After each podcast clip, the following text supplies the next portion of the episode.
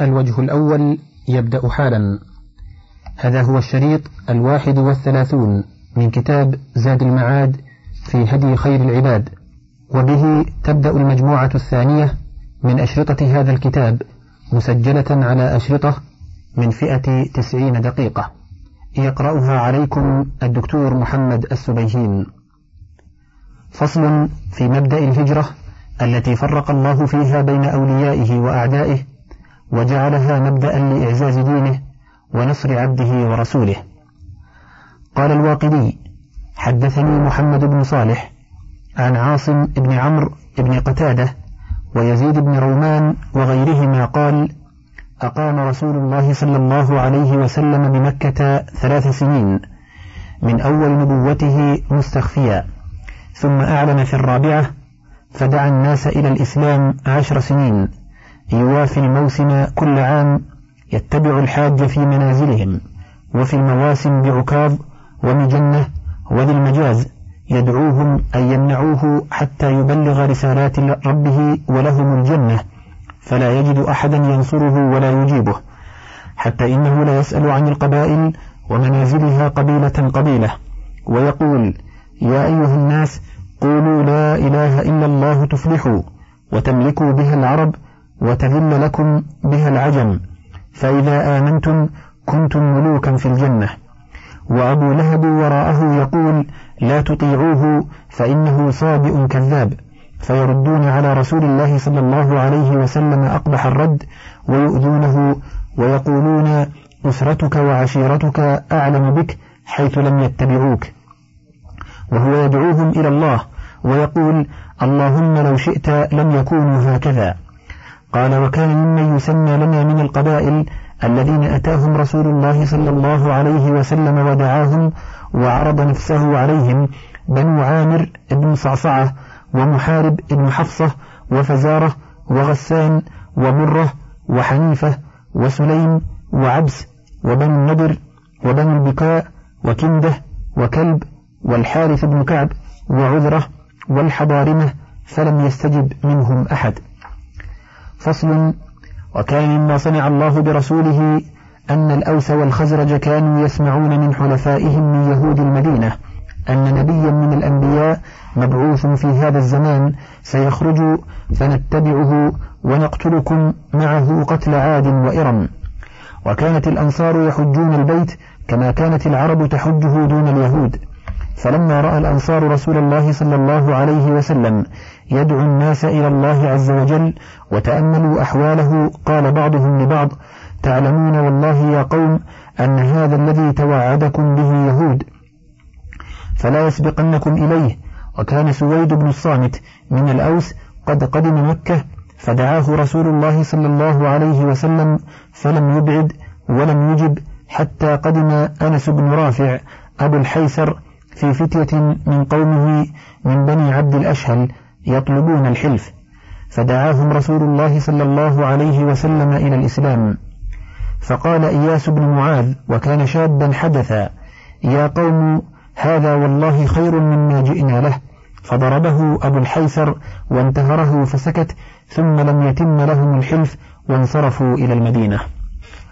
فصل ثم إن رسول الله صلى الله عليه وسلم لقي عند العقبة في الموسم ستة نفر من الأنصار كلهم من الخزرج وهم أبو أمامة أسعد بن زرارة وعوف بن الحارث ورافع بن مالك وقطبة بن عامر وعقبة بن عامر وجابر بن عبد الله بن رئاب فدعاهم رسول الله صلى الله عليه وسلم إلى الإسلام فأسلموا. ثم رجعوا إلى المدينة فدعوهم إلى الإسلام ففشى الإسلام فيها حتى لم يبق دار إلا وقد دخلها الإسلام. فلما كان العام المقبل جاء منهم اثنا عشر رجلا الستة الأول خلا جابر ابن عبد الله ومعهم معاذ بن الحارث بن رفاعة أخو عوف المتقدم وذكوان بن عبد القيس. وقد أقام ذكوان بمكة حتى هاجر إلى المدينة. فيقال إنه مهاجري أنصاري وعبادة بن الصامت ويزيد بن ثعلبة وأبو الهيثم ابن التيهان وعويمر ابن مالك هم اثنا عشر. وقال أبو الزبير عن جابر أن النبي صلى الله عليه وسلم لبث بمكة عشر سنين يتبع الناس في منازلهم في المواسم ومجنة وعكاظ يقول من يؤويني؟ من ينصرني؟ حتى أبلغ رسالات ربي وله الجنة فلا يجد أحدا ينصره ولا يؤويه حتى إن الرجل ليرحل من مضر أو اليمن إلى ذي رحمه فيأتيه قومه فيقولون له احذر غلام قريش لا يفتنك. ويمشي بين رجالهم يدعوهم إلى الله عز وجل وهم يشيرون إليه بالأصابع. حتى بعثنا الله من يثرب فيأتيه الرجل منا فيؤمن به ويقرئه القرآن فينقلب إلى أهله فيسلمون بإسلامه حتى لم يبق دار من دور الأنصار. إلا وفيها رهط من المسلمين يظهرون الإسلام. وبعثنا الله إليه فأتمرنا واجتمعنا وقلنا حتى متى رسول الله صلى الله عليه وسلم يطرد في جبال مكة ويخاف. فرحلنا حتى قدمنا عليه في الموسم فواعدنا بيعة العقبة فقال له عمه العباس يا ابن أخي ما أدري ما هؤلاء القوم الذين جاءوك. إني ذو معرفة بأهل يثرب فاجتمعنا عنده من رجل ورجلين. فلما نظر العباس في وجوهنا قال هؤلاء قوم لا نعرفهم هؤلاء أحداث. فقلنا يا رسول الله على من نبايعك؟ قال تبايعوني على السمع والطاعة في النشاط والكسل وعلى النفقة في العسر واليسر وعلى الأمر بالمعروف والنهي عن المنكر وعلى أن تقولوا في الله لا تأخذكم لومة لائم. وعلى أن تنصروني إذا قدمت عليكم وتمنعوني مما تمنعون منه أنفسكم وأزواجكم وأبناءكم ولكم الجنة. فقلنا نبايعه فأخذ بيده أسعد بن زرارة وهو أصغر السبعين فقال رويدا يا أهل يثرب إنا لم نضرب إليه أكباد المطي إلا ونحن نعلم أنه رسول الله وأن إخراجه اليوم مفارقة العرب كافة وقتل خياركم وأن تعدكم السيوف فإن فإما أنتم تصبرون على ذلك فخذوه وأجركم على الله. وإما أنتم تخافون من أنفسكم خيفة فذروه فهو أعذر لكم عند الله. فقالوا يا سعد أمط عنا يدك فوالله لا نذر هذه البيعة ولا نستقيلها. فقلنا إليه رجلا رجلا فأخذ علينا وشرط يعطينا بذلك الجنة. ثم انصرفوا إلى المدينة وبعث معهم رسول الله صلى الله عليه وسلم عمرو بن أم مكتوم ومصعب بن عمير يعلمان من أسلم منهم القرآن ويدعوان إلى الله عز وجل. فنزل على أبي أمامة أسعد بن, زر بن زرارة وكان مصعب بن عمير يؤمهم وجمع بهم لما بلغوا أربعين فأسلم على يديهما بشر كثير.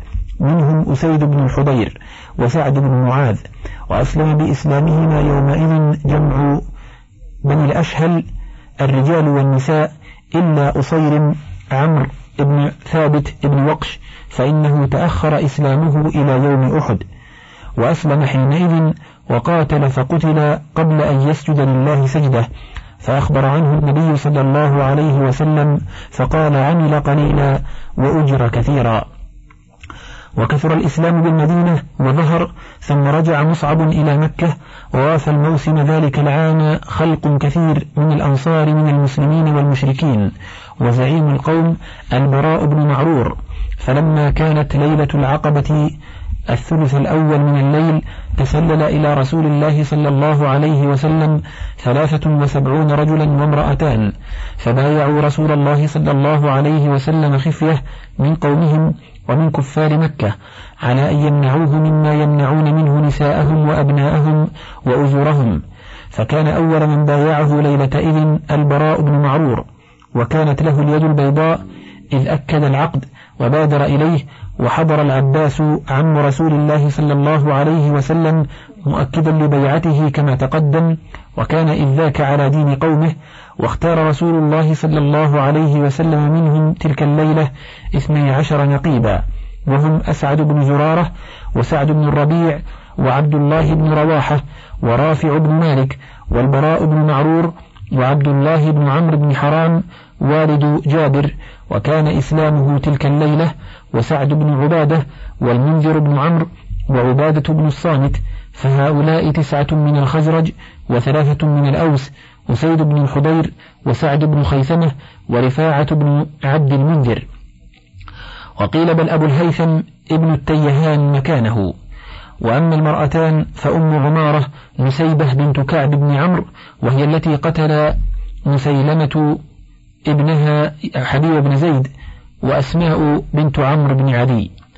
فلما تمت هذه البيعة استأذنوا رسول الله صلى الله عليه وسلم أن يميلوا على أهل العقبة بأسيافهم فلم يأذن لهم في ذلك وصرخ الشيطان على العقبة بأنفذ صوت سمع يا أهل الجباجب هل لكم في مذمم والصبات معه قد اجتمعوا على حربكم؟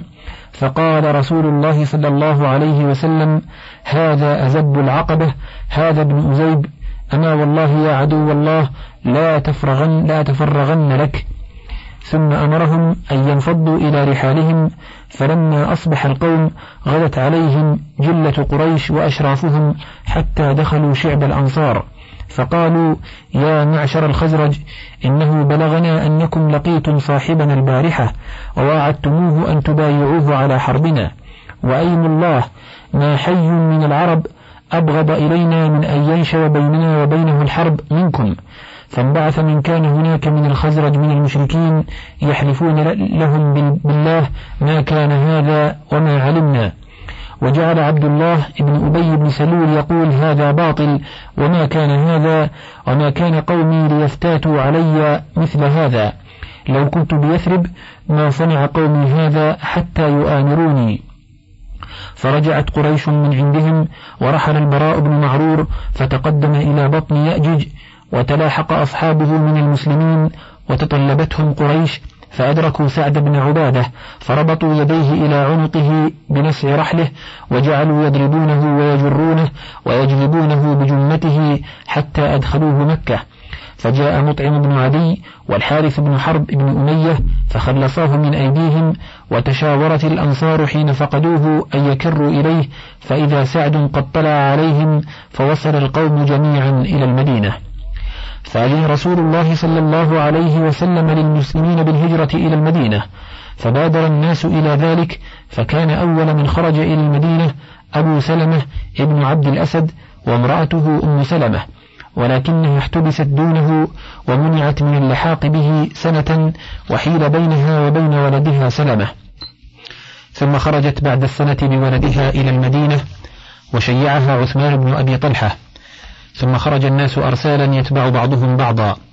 ولم يبق بمكة من المسلمين إلا رسول الله صلى الله عليه وسلم وأبو بكر وعلي أقام بأمره لهما وإلا من احتبسه المشركون كرها.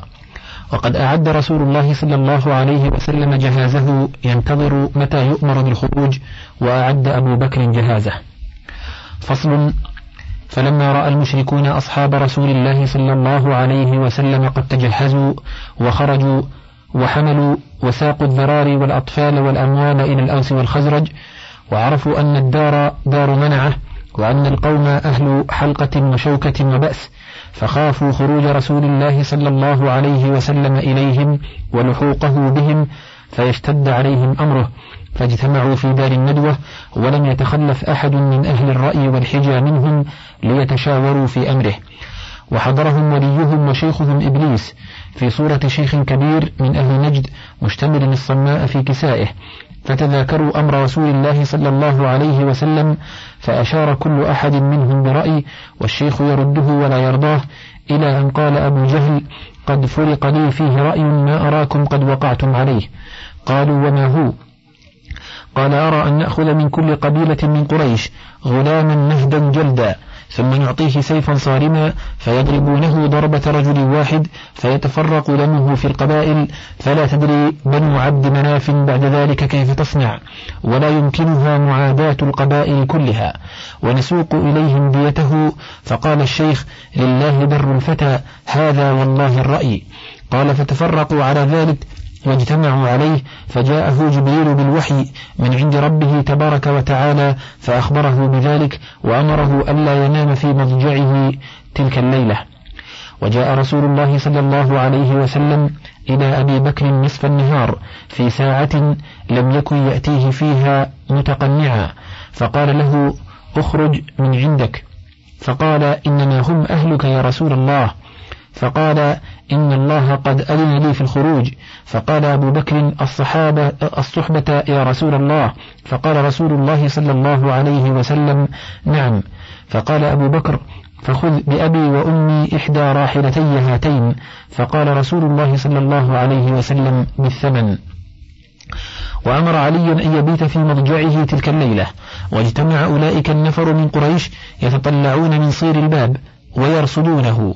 ويريدون بياته ويأتمرون أيهم يكون أشقاها. فخرج رسول الله صلى الله عليه وسلم عليهم فأخذ حفنة من البطحاء فجعل يذره على رؤوسهم وهم لا يرونه وهو يتلو وجعلنا من بين أيديهم سدا ومن خلفهم سدا فأغشيناهم فهم لا يبصرون. ومضى رسول الله صلى الله عليه وسلم إلى بيت أبي بكر فخرج من خوخة في دار أبي بكر ليلا. وجاء رجل ورأى القوم ببابه فقال ما تنتظرون؟ قالوا محمدا. قال خبتم وخسرتم قد والله مر بكم وذر على رؤوسكم التراب.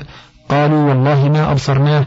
وقاموا ينفضون التراب عن رؤوسهم وهم أبو جهل والحكم بن العاص وعقبة بن أبي معيط والنضر بن الحارث وأمية بن خلف وزمعة بن الأسود وطعيمة بن علي وأبو لهب وأبي بن خلف ونبيه ومنبه ابن الحجاج. فلما أصبحوا قام علي عن الفراش فسألوه عن رسول الله صلى الله عليه وسلم فقال لا علم لي به. ثم مضى رسول الله صلى الله عليه وسلم وأبو بكر إلى غار ثور فدخلاه وضرب العنكبوت على بابه وكان قد استأجر عبد الله بن أريقط الليثي وكان هاديا ماهرا بالطريق وكان على دين قومه من قريش وأمناه على ذلك وسلم إليه راحلتيهما وواعداه غار ثور بعد ثلاث وجدت قريش في طلبهما وأخذوا معهم القافة حتى انتهوا إلى باب الغار فوقفوا عليه. ففي الصحيحين أن أبا بكر قال يا رسول الله لو أن أحدهم نظر إلى ما تحت قدميه لأبصرنا. فقال يا أبا بكر ما ظنك باثنين؟ الله ثالثهما لا تحزن فإن الله معنا. وكان النبي صلى الله عليه وسلم وأبو بكر يسمعان كلامهم فوق رؤوسهما ولكن الله سبحانه عما عليهم أمرهما. وكان عامر بن فهيرة يرعى عليهما غنما لأبي بكر ويتسمع ما يقال بمكة ثم يأتيهما بالخبر فإذا كان السحر سرح مع الناس. قالت عائشة وجهزناهما أحث الجهاز ووضعنا لهما سفرة في جراب. فقطعت أسماء بنت أبي بكر قطعة من نطاقها فأوكت به الجراب وقعت وقطعت الأخرى فصيرتها عصاما لفم القربة فلذلك لقبت ذات النطاقين. وذكر الحاكم في مستدركه عن عمر قال خرج رسول الله صلى الله عليه وسلم إلى الغار ومعه أبو بكر فجعل يمشي ساعة بين يديه وساعة خلفه حتى فطن له رسول الله صلى الله عليه وسلم. فسأله فقال له يا رسول الله أذكر الطلب فأمشي خلفك ثم أذكر الرصد فأمشي بين يديك فقال يا أبا بكر لو كان شيء أحببت أن يكون بك دوني قال نعم والذي بعثك بالحق فلما انتهى إلى الغار قال أبو بكر مكانك يا رسول الله حتى أستبرئ لك الغار فدخل فاستبرأه حتى إذا كان في أعلاه ذكر أنه لم يستبرئ الجحرة فقال مكانك يا رسول الله حتى أستبرئ الجحرة ثم قال انزل يا رسول الله. فنزل فمكث في الغار ثلاث ليال حتى خمدت عنهما نار الطلب فجاءهما عبد الله بن أريقط بالراحلتين فارتحلا وأردف أبو بكر عامر بن فهيرة وسار الدليل أمامهما وعين الله تكلأهما وتأييده يصحبهما وإسعاده يرحلهما وينزلهما. ولما يئس المشركون من الظفر بهما جعلوا لمن جاء بهما دية كل واحد منهما. فجد الناس في الطلب والله غالب على أمره. فلما مروا بحي بني مدلجين مصعدين من قديد بصر بهم رجل من الحي فوقف على الحي فقال لقد رأيت آنفا بالساحل أسودة ما أراها إلا محمدا وأصحابه. ففطن بالأمر سراقة بن مالك فأراد أن يكون الظفر له خاصة وقد سبق له من الظفر ما لم يكن في حسابه. فقال بل هم فلان وفلان خرجا في طلب حاجة لهما. ثم مكث قليلا ثم قام فدخل خباءه وقال لخادمه اخرج بالفرس من وراء الخباء وموعدك وراء الأكمة. ثم أخذ رمحه وخفض عاليه يخط به الأرض حتى ركب فرسه فلما قرب منهم وسمع قراءة رسول الله صلى الله عليه وسلم وأبو بكر يكثر الالتفات ورسول الله صلى الله عليه وسلم لا يلتفت. فقال أبو بكر يا رسول الله هذا سراقة بن مالك قد رهقنا. فدعا عليه رسول الله صلى الله عليه وسلم فساخت يدا فرسه في الأرض. فقال قد علمت أن الذي أصابني بدعائكما فادعوا الله لي ولكما علي أن أرد الناس عنكما. فدعا له رسول الله صلى الله عليه وسلم فأطلق. وسأل رسول الله صلى الله عليه وسلم أن يكتب له كتابا. فكتب له أبو بكر بأمره في أديم وكان الكتاب معه إلى يوم فتح مكة فجاءه بالكتاب فوفاه له رسول الله صلى الله عليه وسلم وقال يوم وفاء وبر وعرض عليه الزاد والحملان فقال لا حاجة لنا به ولكن عم عنا الطلب فقال قد كفيتم. ورجع فوجد الناس في الطلب فجعل يقول قد استبرأت لكم الخبر وقد كفيتم ما هنا وكان أول النهار جاهدا عليهما وآخره حارسا لهما. فصل ثم مر رسول الله صلى الله عليه وسلم في مسيره ذلك حتى مر بخيمتي أم معبد الخزاعية. وكانت امرأة برزة جلدة تحتوي بفناء الخيمة ثم تطعم وتسقي من مر بها. فسألاها هل عندها شيء؟ فقالت والله لو كان عندنا شيء ما أعوزكم القرى والشاء عازب وكانت سنة شهباء. فنظر رسول الله صلى الله عليه وسلم إلى شاة في كسر الخيمة فقال ما هذه الشاة يا أم معبد؟ قالت شاة خلفها الجهد عن الغنم. فقال هل بها من لبن؟ قالت هي أجهد من ذلك. فقال أتأذنين لي أن أحلبها؟ قالت نعم بأبي وأمي إن رأيت بها حلبا فاحلبها. فمسح رسول الله صلى الله عليه وسلم بيده ضرعها وسمى الله ودعا فتفاجت عليه ودرت فدعا بإناء لها يربض الرهط فحلب فيه حتى علته الرغوة. فسقاها فشربت حتى رويت وسقى أصحابه حتى رووا ثم شرب وحلب فيه ثانية حتى ملأ الإناء ثم غادره عندها. فارتحلوا فقلما لبثت أن جاء زوجها أبو معبد يسوق أعنزا عجفا يتساوكن هزالا لا نقي بهن فلما رأى اللبن عجب فقال من أين لك هذا؟ والشاة عازب ولا حلوبة في البيت. فقالت لا والله إلا أنه مر بنا رجل مبارك كان من حديثه كيت وكيت ومن حاله كذا وكذا. قال والله إني لأراه صاحب قريش الذي تطلبه صفيه لي يا أم معبد. قالت ظاهر الوضاءة أبلج الوجه حسن الخلق لم تعبه ثجله ولم تزر به سعله وسيم قسيم في عينيه دعج وفي أشفاره وطف وفي صوته صحل وفي عنقه سطع أحور أكحل أزج أقرن شديد سواد الشعر إذا صمت علاه الوقار وإن تكلم علاه البهاء أجمل الناس وأبهاهم من بعيد وأحسنه وأحلاه من قريب حلو المنطق فصل لا نزر ولا هذر كأن منطقه خرزات نظم يتحدرن ربعة لا تقحمه عين من قصر ولا تشنأه من طول غصن بين غصنين فهو أنظر الثلاثة منظرا وأحسنهم قدرا. له رفقاء يحفون به إذا قال استمعوا لقوله وإذا أمر تبادروا إلى أمره محفود محشود لا عابس ولا مفند فقال أبو معبد والله هذا صاحب قريش الذي ذكروا من أمره ما ذكروا لقد هممت أن أصحبه ولا أفعلن إن وجدت إلى ذلك سبيلا. وأصبح صوت بمكة عاليا يسمعونه ولا يرون القائل جزى الله رب العرش خير جزائه رفيقين حلا خيمتي أم معبدي هما نزلا بالبر وارتحلا به وأفلح من أمسى رفيق محمد فيا لقصي ما زوى الله عنكم به من فعال لا يجازى وسؤدد ليهنى بني كعب مكان فتاتهم ومقعدها للمؤمنين بمرصد سلوا أختكم عن شاتها وإنائها فإنكم إن تسألوا الشاء تشهدي. قالت أسماء بنت أبي بكر ما درينا أين توجه رسول الله صلى الله عليه وسلم؟ إذ أقبل رجل من الجن من أسفل مكة فأنشد هذه الأبيات والناس يتبعونه ويسمعون صوته ولا يرونه حتى خرج من أعلاها. قالت فلما سمعنا قوله عرفنا حيث توجه رسول الله صلى الله عليه وسلم وأن وجهه إلى المدينة.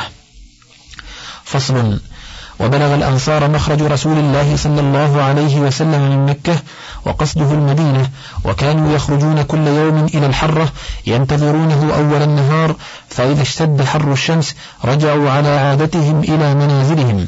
فلما كان يوم الاثنين ثاني عشر ربيع الأول على رأس ثلاث عشرة سنة من النبوة خرجوا على عادتهم فلما حمي حر الشمس رجعوا وصعد رجل من اليهود على أطم من آطام المدينة لبعض شأنه فرأى رسول الله صلى الله عليه وسلم وأصحابه مبيضين يزول بهم السراب فصرخ بأعلى صوته يا بني قيلة هذا صاحبكم قد جاء هذا جدكم الذي تنتظرونه.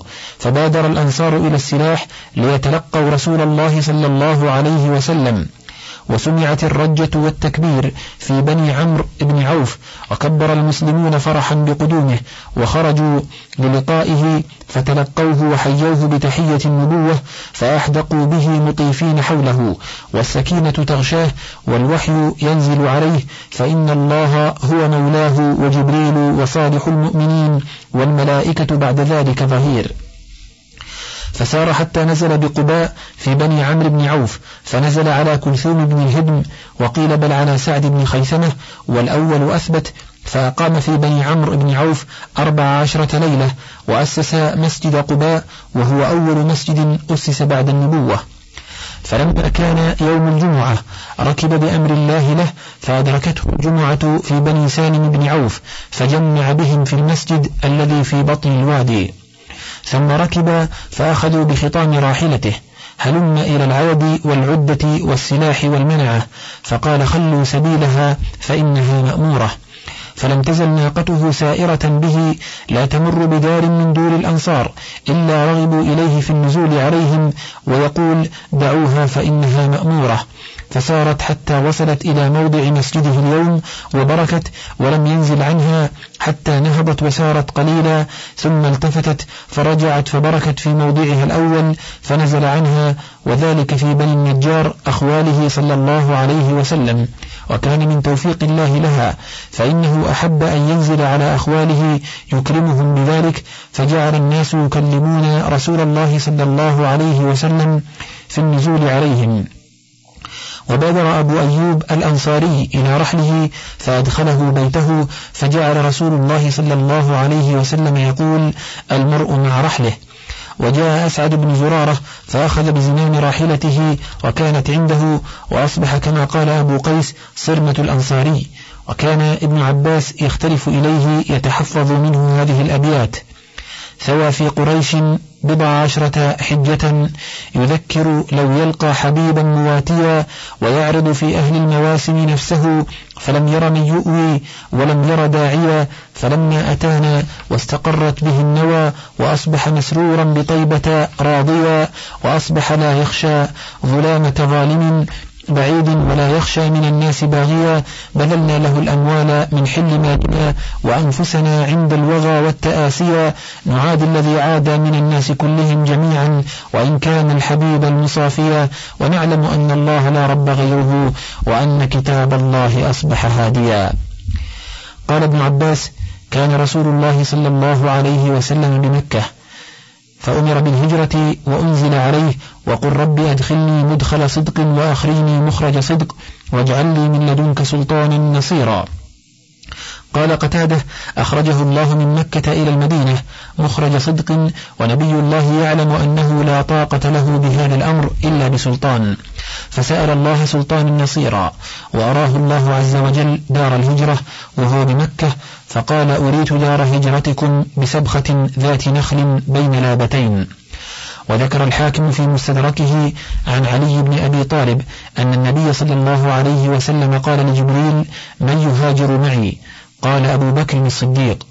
قال البراء أول من قدم علينا من أصحاب رسول الله صلى الله عليه وسلم مصعب بن عمير وابن أم مكتوم فجعل يقرئان الناس القرآن.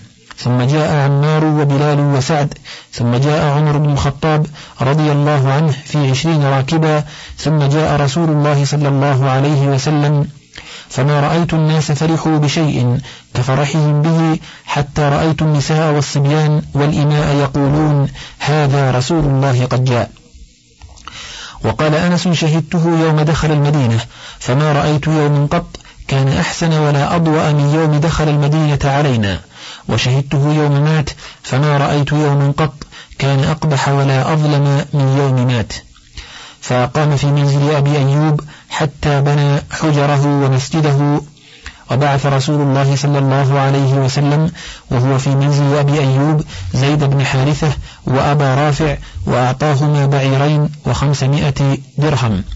إلى مكة فقدم عليه بفاطمة وأم كلثوم ابنتيه وسودة بنت زمعة زوجته وأسامة بن زيد وأمه أم أيمن وأما زينب بنت رسول الله صلى الله عليه وسلم فلم يمكنها زوجها أبو العاص بن الربيع من الخروج وخرج عبد الله بن أبي بكر معهم بعيال أبي بكر ومنهم عائشة فنزلوا في بيت حارثة بن النعمان.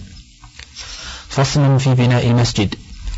قال الزهري بركت ناقة النبي صلى الله عليه وسلم موضع مسجده وهو يومئذ يصلي فيه رجال من المسلمين. وكان مربدا لسهل وسهيل غلامين يتيمين من الأنصار كانا في حجر أسعد بن زرارة. فساوم رسول الله صلى الله عليه وسلم الغلامين بالمربد ليتخذه مسجدا فقال بل نهبه لك يا رسول الله.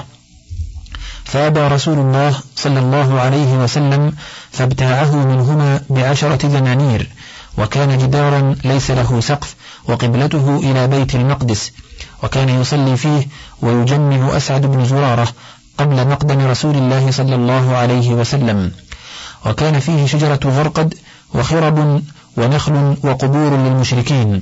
فأمر رسول الله صلى الله عليه وسلم بالقبور فنبشت وبالخرب فسويت وبالنخل والشجر فقطعت وصفت في قبلة المسجد وجعل طوله مما يلي القبلة إلى مؤخره مئة ذراع والجانبين مثل ذلك أو دونه وجعل أساسه قريبا من ثلاثة أذرع ثم بنوه باللبن وجعل رسول الله صلى الله عليه وسلم يبني معهم وينقل اللبن والحجارة بنفسه ويقول اللهم لا عيش إلا عيش الآخرة فاغفر للأنصار والمهاجرة. وكان يقول هذا الحمال لا حمال خيبر هذا أبر ربنا وأطهر. وجعلوا يرتجزون وهم ينقلون اللبن ويقول بعضهم في رجزه لئن قعدنا والرسول يعمل لذاك منا العمل المضلل. وجعل قبلته إلى بيت المقدس وجعل له ثلاثة أبواب بابا في مؤخره وبابا يقال له باب الرحمة والباب الذي يدخل منه رسول الله صلى الله عليه وسلم. وجعل عمده الجذوع وسقفه بالجريد وقيل له ألا تسقفه؟ فقال لا عريش كعريش موسى. وبنى إلى جنبه بيوت أزواجه باللبن وسقفها بالجريد والجذوع. فلما فرغ من البناء بنى بعائشة في البيت الذي بناه لها شرقي المسجد قبليه وهو مكان حجرته اليوم وجعل لسودة بنت زمعة بيتا آخر. فصل ثم آخى رسول الله صلى الله عليه وسلم بين المهاجرين والأنصار في دار أنس بن مالك وكانوا تسعين رجلا نصفهم من المهاجرين ونصفهم من الأنصار. آخى بينهم على المواساة يتوارثون بعد الموت دون ذوي الأرحام إلى حين وقعة بدر فلما أنزل الله عز وجل وأولو الأرحام بعضهم أولى ببعض في كتاب الله رد التوارث إلى الرحم دون عقد الأخوة. وقد قيل إنه آخى بين المهاجرين بعضهم مع بعض مؤاخاة ثانية واتخذ فيها عليا أخا لنفسه والثبت الأول والمهاجرون كانوا مستغنين بأخوة الإسلام وأخوة الدار وقرابة النسب عن عقد مؤاخاة بخلاف المهاجرين مع الأنصار. ولو آخى بين المهاجرين كان أحق الناس بأخوته أحب الخلق إليه ورفيقه في الهجرة وأنيسه في الغار وأفضل الصحابة وأكرمهم عليه أبو بكر الصديق. وقد قال لو كنت متخذا من أهل الأرض خليلا لاتخذت أبا بكر خليلا ولكن أخوة الإسلام أفضل وفي لفظ ولكن أخي وصاحبي وهذه الأخوة في الإسلام وإن كانت عامة كما قال وددت أن قد رأينا إخواننا قالوا ألسنا إخوانك؟ قال أنتم أصحابي وإخواني قوم يأتون من بعدي يؤمنون بي ولم يروني فللصديق من هذه الأخوة أعلى مراتبها كما له من الصحبة أعلى مراتبها فالصحابة لهم الأخوة ومزية الصحبة ولأتباعه بعدهم الأخوة دون الصحبة. فصل ووداع رسول الله صلى الله عليه وسلم من بالمدينة من اليهود وكتب بينه وبينهم كتابا وبادر حبرهم وعالمهم عبد الله بن سلام فدخل في الإسلام وأبى عامتهم إلا الكفر وكانوا ثلاث قبائل بنو قينقاع وبنو النضير وبنو قريظة وحاربه الثلاثة فمن الله على بني قينقاع وأجلى بني النضير وقتل بني قريظة وسبى ذريتهم ونزلت سورة الحشر في بني النضير وسورة الأحزاب في بني قريظة. فصل وكان يصلي إلى قبلة بيت المقدس ويحب أن يصرف إلى الكعبة. وقال لجبريل وددت أن يصرف الله وجهي عن قبلة اليهود فقال إنما أنا عبد فادع ربك واسأله فجعل يقلب وجهه في السماء يرجو ذلك حتى أنزل الله عليه قد نرى تقلب وجهك في السماء فلنولينك قبلة ترضاها فول وجهك شطر المسجد الحرام وذلك بعد ستة عشر شهرا من مقدمه المدينة قبل وقعة بدر بشهرين. قال محمد بن سعد أخبرنا هاشم بن القاسم قال أنبأنا أبو معشر عن محمد بن كعب القرضي قال ما خالف نبي نبيا قط في قبله ولا في سنة إلا أن رسول الله صلى الله عليه وسلم استقبل بيت المقدس حين قدم المدينة ستة عشر شهرا ثم قرأ شرع لكم من الدين ما وصى به نوحا والذي أوحينا إليك وكان لله في جعل القبلة إلى بيت المقدس ثم تحويلها إلى الكعبة حكم عظيمة ومحنة للمسلمين والمشركين واليهود والمنافقين. فأما المسلمون فقالوا سمعنا وأطعنا وقالوا آمنا به كل من عند ربنا وهم الذين هدى الله ولم تكن كبيرة عليهم. وأما المشركون فقالوا كما رجع إلى قبلتنا يوشك أن يرجع إلى ديننا وما رجع إليها إلا أنه الحق. وأما, وأما اليهود فقالوا خالف قبلة الأنبياء قبله ولو كان نبيا لكان يصلي إلى قبلة الأنبياء. وأما المنافقون فقالوا ما يدري محمد أين يتوجه إن كانت الأولى حقا فقد تركها وإن كانت الثانية هي الحق فقد كان على باطل.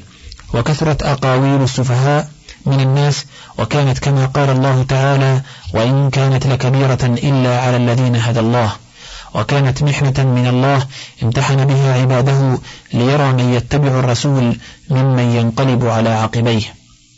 ولما كان أمر القبلة وشأنها عظيما وطأ سبحانه قبلها أمر النسخ وقدرته عليه وأنه يأتي بخير من المنسوخ أو مثله ثم عقب ذلك بالتوبيخ لمن تعنت رسول الله صلى الله عليه وسلم ولم ينقد له. ثم ذكر بعده اختلاف اليهود والنصارى وشهادة بعضهم على بعض بأنهم ليسوا على شيء وحذر عباده المؤمنين من موافقتهم واتباع أهوائهم ثم ذكر كفرهم وشركهم به وقولهم إن له ولدا سبحانه وتعالى عما يقولون علوا. ثم أخبر أن له المشرق والمغرب وإنما يولي عباده وجوههم فثم وجهه وهو الواسع العليم فلعظمته وسعته وإحاطته أينما يوجه العبد فثم وجه الله. ثم أخبر أنه لا يسأل رسول يسأل رسوله عن أصحاب الجحيم الذين لا يتابعونه ولا يصدقونه. ثم أعلمه أن أهل الكتاب من اليهود والنصارى لن يرضوا عنه حتى يتبع ملتهم وأنه إن فعل وقد أعاذه الله من ذلك فما له من الله من ولي ولا نصير. ثم ذكر أهل الكتاب بنعمته عليهم وخوفهم من بأسه يوم القيامة. ثم ذكر خليله باني بيته الحرام وأثنى عليه ومدحه وأخبر أنه جعله إماما للناس يأتم به أهل الأرض. ثم ذكر بيته الحرام وبناء خليله له وفي ضمن هذا أن باني البيت كما هو إمام للناس فكذلك البيت الذي بناه إمام لهم. ثم أخبر أنه لا يرغب عن ملة هذا الإمام إلا أسفه الناس ثم أمر عباده أن يأتموا برسوله الخاتم. ويؤمن بما أنزل إليه وإلى إبراهيم وإلى سائر النبيين. ثم رد على من قال إن إبراهيم وأهل بيته كانوا هودا أو نصارى. وجعل هذا كله توطئة ومقدمة بين يدي تحويل القبلة ومع هذا كله فقد كبر ذلك على الناس إلا من هدى الله منهم.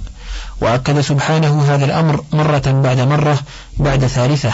وأمر به رسوله حيثما كان ومن حيث خرج وأخبر أن الذي يهدي من يشاء إلى صراط مستقيم هو الذي هداهم إلى هذه القبلة وأنها هي القبلة التي تليق بهم وهم أهلها لأنها أوسط القبل وأفضلها وهم أوسط الأمم وخيارهم فاختار أفضل القبل أفضل القبل لأفضل الأمم كما اختار لهم أفضل الرسل وأفضل الكتب وأخرجهم في خير القرون وخصهم بأفضل الشرائع ومنحهم خير الأخلاق وأسكنهم خير الأرض وجعل منازلهم في الجنة خير المنازل وموقفهم في القيامة خير المواقف فهم على تل عال والناس تحتهم فسبحان من يختص برحمته من يشاء وذلك فضل الله يؤتيه من يشاء والله ذو الفضل العظيم وأخبر سبحانه أنه فعل ذلك لئلا يكون للناس عليهم حجة ولكن الظالمون الباغون يحتجون عليهم بتلك الحجج التي ذكرت